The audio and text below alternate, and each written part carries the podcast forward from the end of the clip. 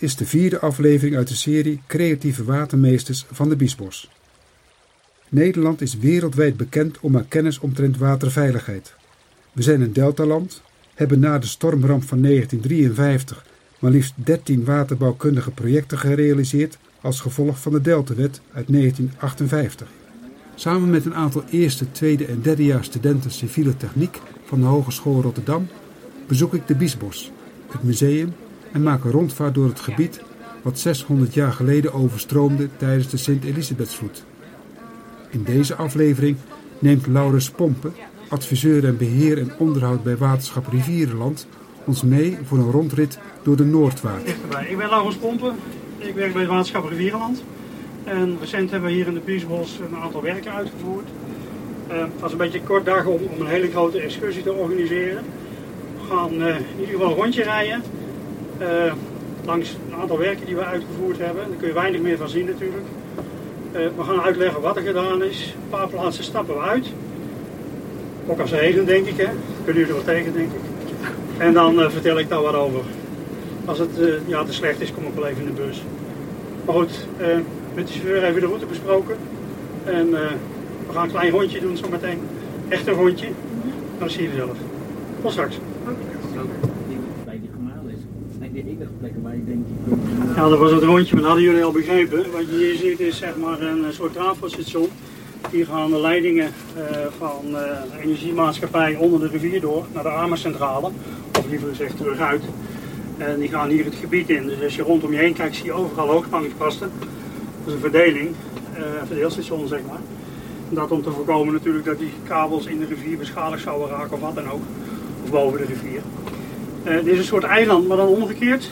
Wij doen hier als waterschap uh, niks mee. Uh, het wordt droog gehouden ten alle tijde, hè, want ik weet niet wat jullie hebben gehoord van dit gebied. Is een overloopgebied, hè, een doorstroomgebied. nou, bij hoogwater blijft dit ten alle tijde droog. Zou je niet.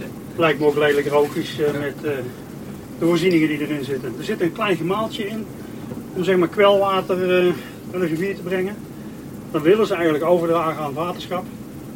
Maar dat zal waarschijnlijk uh, volgend jaar gebeuren. We gaan naar het uh, verste gemaal wat je hier kunt zien. Hier staan twee. Er staan nog meer gemalen. Het volgende gemaal, dan stappen we even uit. En dan kun je even over het gebied heen kijken. Kun je bovenop klimmen wie dat wil. een soort uitzichtpunt. En dan vertel ik nog wat meer. Dames en heren, jullie mogen nu je biezen pakken en naar buiten gaan. Maar let even op, want uh, aan, uh, waar je uitstapt is ook het verkeer. Dus uh, de, als je naar buiten gaat, kijk even naar rechts en links. Oké? Okay? want ik wil geen mond-op-mond beademing vandaag geven. Alsjeblieft.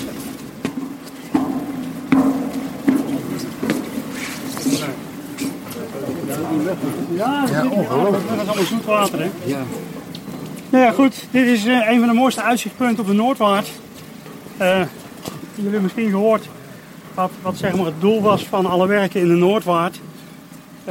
Dat was zeg maar een soort overloopgebied tussen twee grote rivieren in. tussen de Merwede, in dit geval de, de Bergse Maas. Oftewel de Amer. En het water kan dus zeg maar hoogwater op de Maas of hoogwater vanuit de Rijn, Merwede, uh, overlopen naar het volgende gebied. Dit was een uh, bijna geheel landbouwgebied. Dat is afgegraven, alle dijken zijn verlegd. Boeren en burgers zeg maar, zijn verplaatst, verhuisd. Heel veel mensen die wonen uh, hier al hun hele leven. sommige boerderijen zijn dus opnieuw gemaakt. Hier achter je kun je het ook zien. Ja, van ruilverkaveling zo zou ik het niet noemen. Veel informatie? Ontzettend veel informatie. Maar wel met een onderwerp wat heel uitdagend is voor, uh, voor de jonge lui die er iets mee uh, ja. moeten gaan doen. Ze hebben net van je collega hè, van de Stichting Blauwe Lijn, uh, Henk-Jan Verhagen, de opdracht gekregen. Een opdracht die misschien nog breder gesteld had kunnen worden. Ja, ik denk het wel. Ik denk dat er wat meer dan alleen maar watermanagement en waterveiligheid is. Maar dat er zoveel andere aspecten dus meespelen om de, de gehele problematiek echt in beeld te krijgen. En ook te weten van waar liggen dan de kansen, de oplossingen. Dat je iets meer moet vertellen. Ja, dus dan krijg je meer ideeën, meer verscheidenheid. Meer verscheidenheid van ideeën, inderdaad. We kennen waarschijnlijk alle taken van een waterschap hebben. En een van de belangrijkste is natuurlijk waterveiligheid. Het keren van buitenwater en watermanagement in het binnenste gebied. Nou, dat zit in die polders. En uh, nou, dan hebben we nog een paar taken, onder andere een wegentaak. En uiteraard het zuiveren van afvalwater. En als je, nog eens een keer kijkt op Topo-tijdreis. Misschien kennen jullie die website Topo-tijdreis. Kun je zeg maar een schuifbalkje naar beneden doen. En dan zie je zeg maar van 1800 alle topografische kaarten tot aan vandaag. En met die topo-tijdreis kun je de veranderingen zien in het gebied. Dan zie je eigenlijk dat we een beetje terug zijn maar af. Hè. Je hebt iets gehoord over de Elisabethvloed. Hè, waar toen dit gebied is, over, is ondergelopen en waar ook het gebied min of meer is ontstaan. Nou, inmiddels hebben we hier nog steeds iets met zoet zout en getijden. Het zout is uh, beperkt, afhankelijk van natuurlijk waar het water vandaan komt.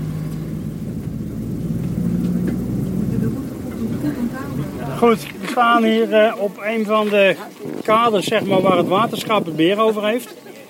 Net uh, toen we de brug over gingen was een van die doorgangen. Hè? En eigenlijk zou je naar waterbeheer kunnen kijken alsof het een trap is. Als je op de onderste treden staat, en er is, of als je op de grond staat, niet hier, maar gewoon waar je woont, uh, en er is wateroverlast, dan moet er eigenlijk niks gebeuren. Maar daarvoor heb je verschillende trapjes. En vergelijk het dan eventjes met ja, een gewone regenbui, daar mag je geen last van hebben. Hè? Dan kan er iets een peilverhoging zijn, maar nou, dat merkt eigenlijk niemand. De volgende stap is dat het water hoog staat in de sloot. Weer een stapje hoger, dan staan de sloten helemaal vol. En daarna zou het op straat kunnen komen en in het laatste geval weer te je huis hebben. Dus ik probeer het altijd op die manier uit te leggen. Dat zag je hier net ook, hè. Van, toen we over die brug gingen rijden we opeens een stukje naar beneden. Dit gebied is ook zo opgebouwd. We hebben normaal waterbeheer, eb en vloed, dat gaat door die kreken heen. Bij hoog water stroomt het gebied mee waar we net waren, bij, die, eh, bij het gemaal waar we bovenop stonden. Komt er extreem hoog water, dan lopen er nog meer stukken, gaan er meelopen. En als dit gebied over zou lopen, dan zie je dus dat er evenwijdig aan die grote rivieren eh, en aan de kreken liggen verlaagde stukken dijk. Nou, daar kan dan deze polder onderlopen en moeten deze mensen of terugtrekken op hun terp of vluchten. En nog een stap hoger, ja, dan gaat echt alles onder water. Er zit wat verschil in die polders ook, dus steeds komt er een beetje bij, om zo uit te drukken. Op dat moment dat het waterschap inspectiepaden wil aanleggen, kwam de stikstofwet. Er mochten geen grote werken worden uitgevoerd, alleen nog onderhoud zoals het snoeien van bomen en het weghalen van afrasteringen. Werken om wateroverlast in Werkendam te voorkomen en het aanleggen van 6 hectare waterbergingen worden voor onbepaalde tijd uitgesteld. Laurens praat over de samenwerking tussen Rijkswaterstaat en Staatsbosbeheer die beter kan en pleit voor één loket waar alle vragen, klachten en ideeën verzameld worden en verdeeld. En dan komt Kerem met een vraag. En dat op een moment als een enorme rietmaaier achter ons de sloot gaat maaien. Dan heb ik nog een vraag. Ja. ja. Want u, u, heeft het zoveel over natuurdiversiteit en dat er sommige maatregelen niet genomen kunnen worden door eigenlijk de diversiteit, biodiversiteit binnen het gebied. En dan heeft, had u het ook net erover dat mensen kunnen evacueren of moeten kunnen vluchten. Ja. En dan is mijn vraag, wat is nou belangrijker? Een paar vogelnestjes of het leven van een mens? Nou ja, het leven van de mens is natuurlijk belangrijk. En die vogelnestjes zitten in de natuur. Wij kunnen ook niet, aan... we kunnen ook niet aangeven waar dat moet natuurlijk. Hè. Dus wij sparen wel zoveel mogelijk op uh, het gebied als er vogels in zitten. Dat is logisch natuurlijk. Hè. Maar eerste prioriteit is in die blokkade polders uh, is de veiligheid van de bewoners. Maar juist de natuur sparen doe je door beheersmaatregelen. Door een bepaald maaitype en niet te vroeg te maaien en dat soort dingen. Dus die zitten meer in, in beheermaatregelen dan in een, een veiligheidsplan. Maar over het algemeen is het toch juist best erg hè, dat er hier maatregelen genomen moeten worden voor de bewoners. Hè? Van als er iets gebeurt moet je kunnen vluchten. Terwijl je eigenlijk in een veilige omgeving wil leven. En dan, als je dan zo kijkt, dan, hè, u bent natuurlijk, hè, u heeft ook hogere mensen boven u.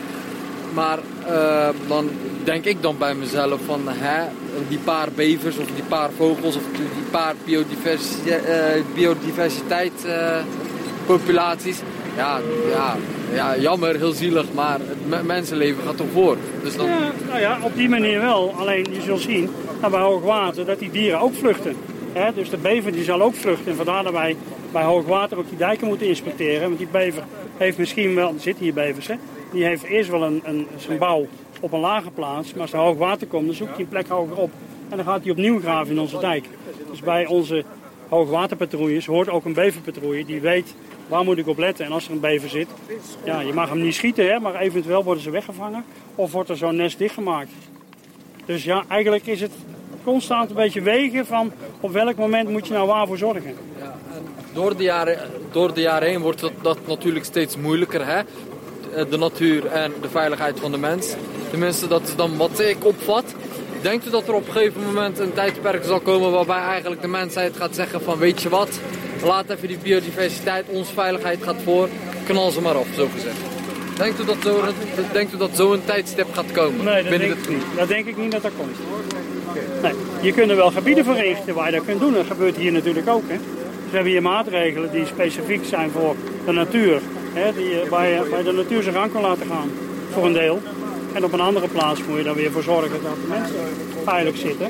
Maar dat kun je ook op een manier doen waarop je nog natuur eh minnend bent.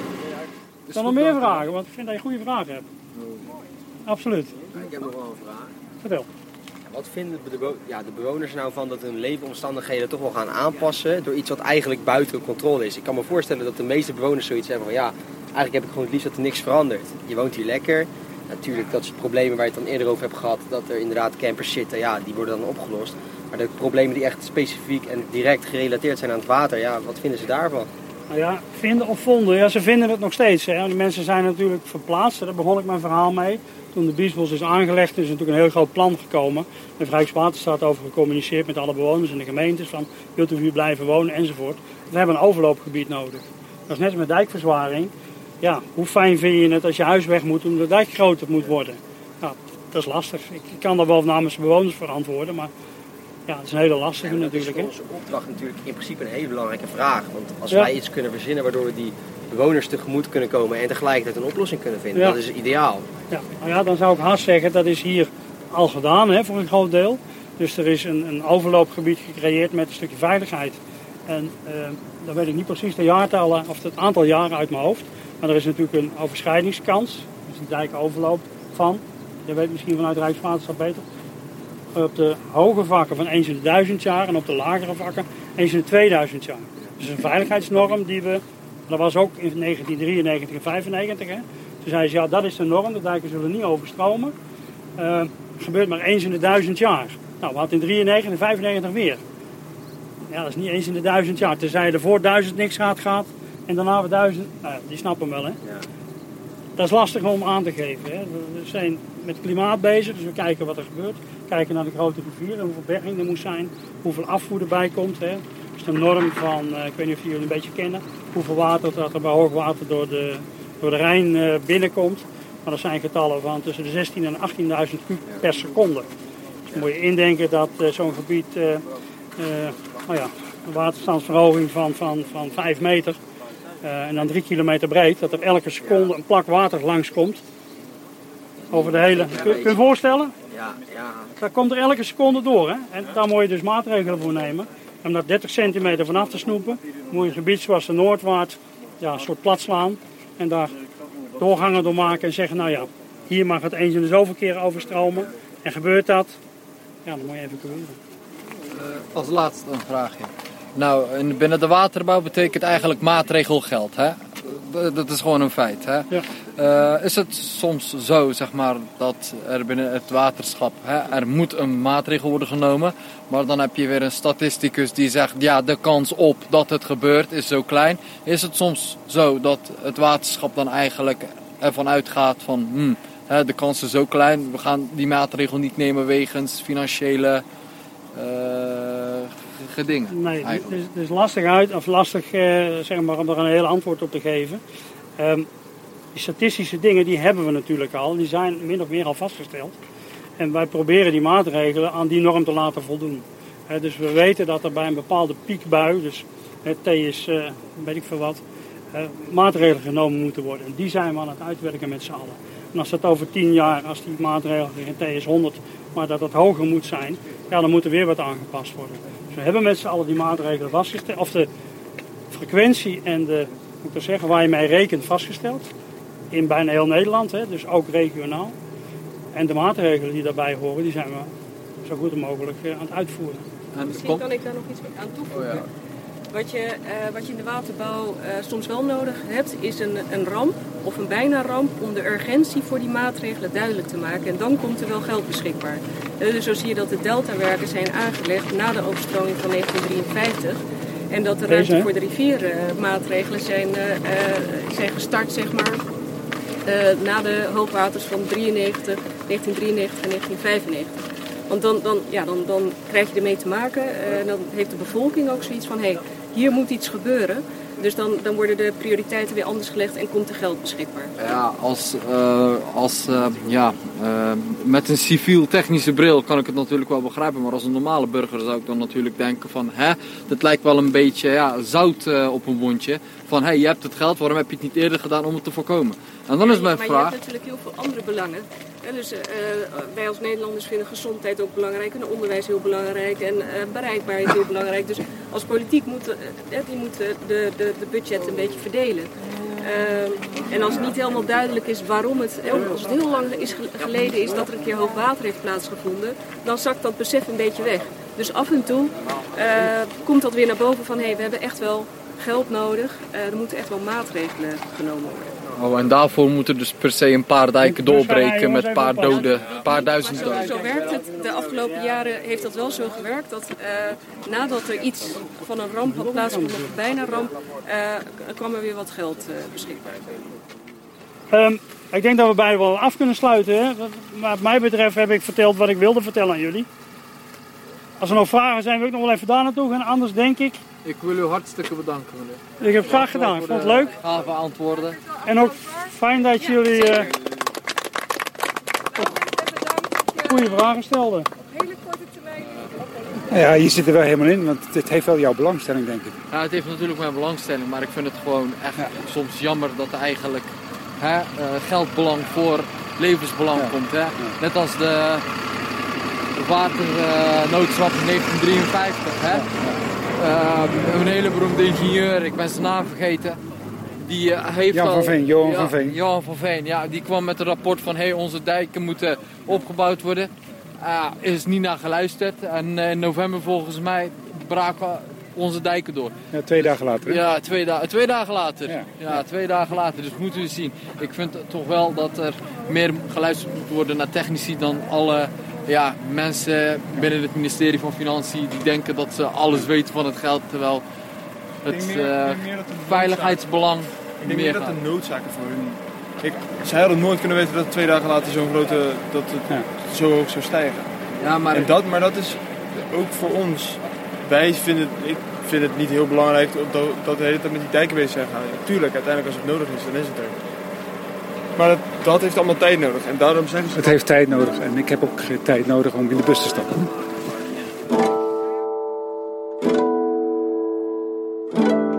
En we, gaan, uh, we zagen toen we heen gingen aan de linkerkant het bedrijf van Noord. Maar we gaan nu uh, naar rechts. En als je daar naar kijkt, ja, daar, ga je, daar zie je de Hollandse ijsselkering. Jawel, de eerste, de eerste in de reeks van 13 deltawerken. En... Uh, nou ja, Johan van Veen, daar hebben we het al een paar keer over gehad. Johan van Veen is de grondlegger van die deltawerken. Zelf heeft hij deze zien bouwen, uh, ook afzien uh, bouwen. Hij was er ook bij. Nou ja, ik, uh, eigenlijk ben ik met de blauwe lijn begonnen vanwege de dochter van Johan van Veen, Marianne van Veen. Die is inmiddels 84 en ze woont in Frankrijk. En zij zei tegen mij, ja, het is toch wel raar hè, dat hij eigenlijk helemaal geen standbeeld heeft bij de Deltawerken. Lely heeft gewoon een stad en die heeft gewoon een afsluitdijk. Maar uh, mijn vader die heeft heel veel betekend. Rijkswaterstaat wakker geschud. Die wilde niet luisteren, zoals jullie Henk Jan al hoorden vertellen. Er moest gewoon uiteindelijk een plan komen en twee dagen later kwam de ramp. En toen konden ze heel makkelijk het werk wat hij 30 jaar heeft gedaan bij Rijkswaterstaat met een studiedienst. Hij was vooruitstrevend, hij dacht pro proactief. Uh, hij had geen echte opdracht van joh, meneer Van Veen, maak jij eens even een paar mooie plannetjes en dan uh, hebben we die in de kast liggen. Dat deed hij allemaal op eigen initiatief. Had natuurlijk wel als ingenieur een taak, maar hij deed veel meer dan dat. En dat maakte hem ook best bijzonder, maar ook af en toe heel onge, ongewild en ongeliefd. Want ja, als jij uh, de baas bent van zo'n uh, werknemer die jou gaat vertellen wat, wat jij moet gaan besluiten en de dijken zijn niet goed en dit plan moet je doen. Ja, dan ga je op een gegeven moment met de verkeerde manager word je dan zeg maar met een kluitje in het riet gestuurd. En dat is ook uh, ja, natuurlijk eigenlijk heel jammer geweest. Uiteindelijk uh, heeft hij wel een standbeeld gekregen hoor. Dat was wel op uh, aanraden van een soort vriendenclub die hem Met allemaal handtekeningen hebben ze geld bij elkaar geraapt. En hebben ze in Groningen, waar die beste man is geboren, in Uithuizen Mede, hebben we opgepakt toen we de stichting gingen oprichten in 2018.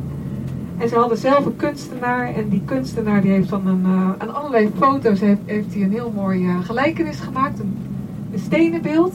Dat stenen beeld is in brons gegoten. En op een gegeven moment, met de oprichting van de stichting, kwamen ze binnenwandelen, moet je je voorstellen, met Johan van Veen. En het was 21, 21 december 2000, 2018. En hij was toen 125 jaar. En toen heb ik ook een taart laten aanrukken met daarop gefeliciteerd Johan van Veen, 125 jaar. Die hebben we ook aangesneden. En toen hebben we de belofte gedaan aan die familie en ook als stichting van we gaan dat standbeeld plaatsen. En toen hebben we gelobbyd bij het Hoogheemraadschap, want waar wij nu op rijden, dat is ook onderdeel van de Schietlands Hoge Zeedijk. En dit was ook een dijk die Johan van Veen al jarenlang in de gaten hield, want die was gewoon heel slecht. En als, als deze dijk zou doorbreken, ja, dan zou toch wel heel de Randstad met alle miljoenen, 3 miljoen of 4 miljoen mensen die er toen woonden ook onder water komen staan. En uh, met desastreuze gevolgen. Dus dat was eigenlijk zijn zorg. Hij ging altijd die, die dijken opmeten en zorgen dat, uh, dat er weer rapporten kwamen. Maar goed, mensen die uh, stopten het in een la en dachten van ja, Johan van Veen, dat is allemaal wel best. dus we zijn naar het Hoogheemraadschap gegaan, want we dachten van ja, Rijkswaterstaat is één, maar ja, het Hoogheemraadschap is, hè, dat, hebben we, dat is ook gewoon heel belangrijk voor die waterveiligheid. En die hebben toen iets van, ja, iets van vijf jaar geleden hebben ze deze dijken versterkt. En toen kregen we subsidie. En toen konden we met geld van de gemeente konden we dat standbeeld gaan uh, realiseren. Maar goed, we hebben het, we hebben het gedaan. En we... Mijn cadeau voor jullie was dat ik mijn mond heb dichtgehouden toen we teruggingen. Geloof me, dat is echt een cadeau, want ouwe horen is mijn business. We hebben ook veel van jullie geleerd, want jullie zijn een van onze eerste groepen ook dat met de Biesbos Tour. Dus dank je wel voor dat.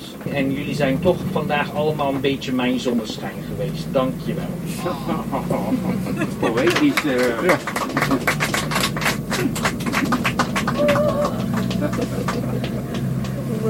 Deze inspiratiedag voor deze groep studenten civiele techniek is nog niet voorbij.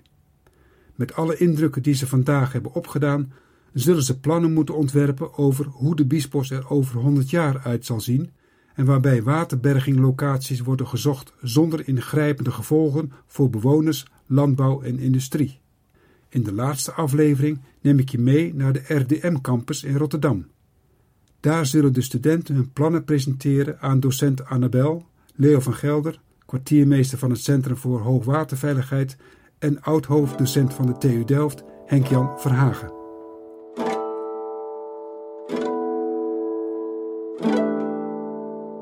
Dan ga ik wat vertellen over de uitgangspunten die wij hebben gemaakt.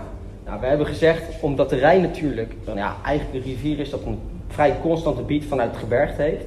En de Maas is een regenrivier.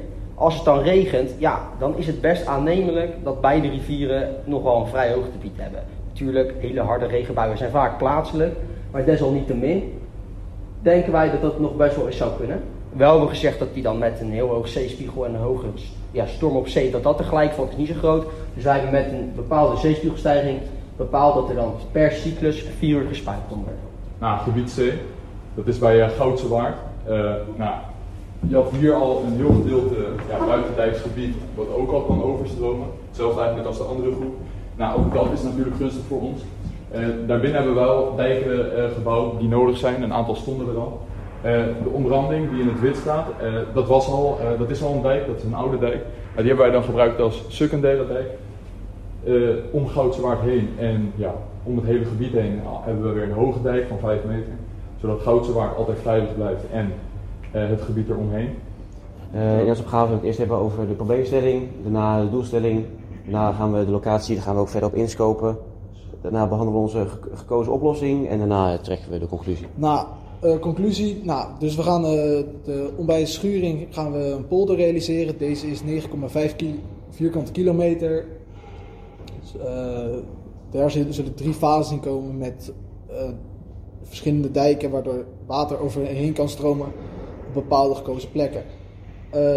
de duikers zijn er om het water uit de polder te krijgen en er zou in de toekomst zou je landbouw kunnen realiseren. Daar hebben we helaas nog niet uitgewerkt. Eh, dit was onze presentatie. Zou, dus zijn er nog vragen?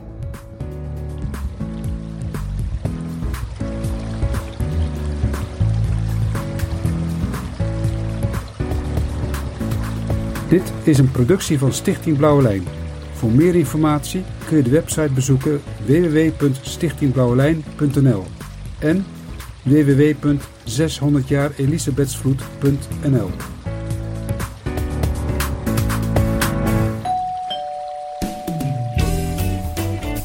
Dit is een productie van Rietveld Media Podcast.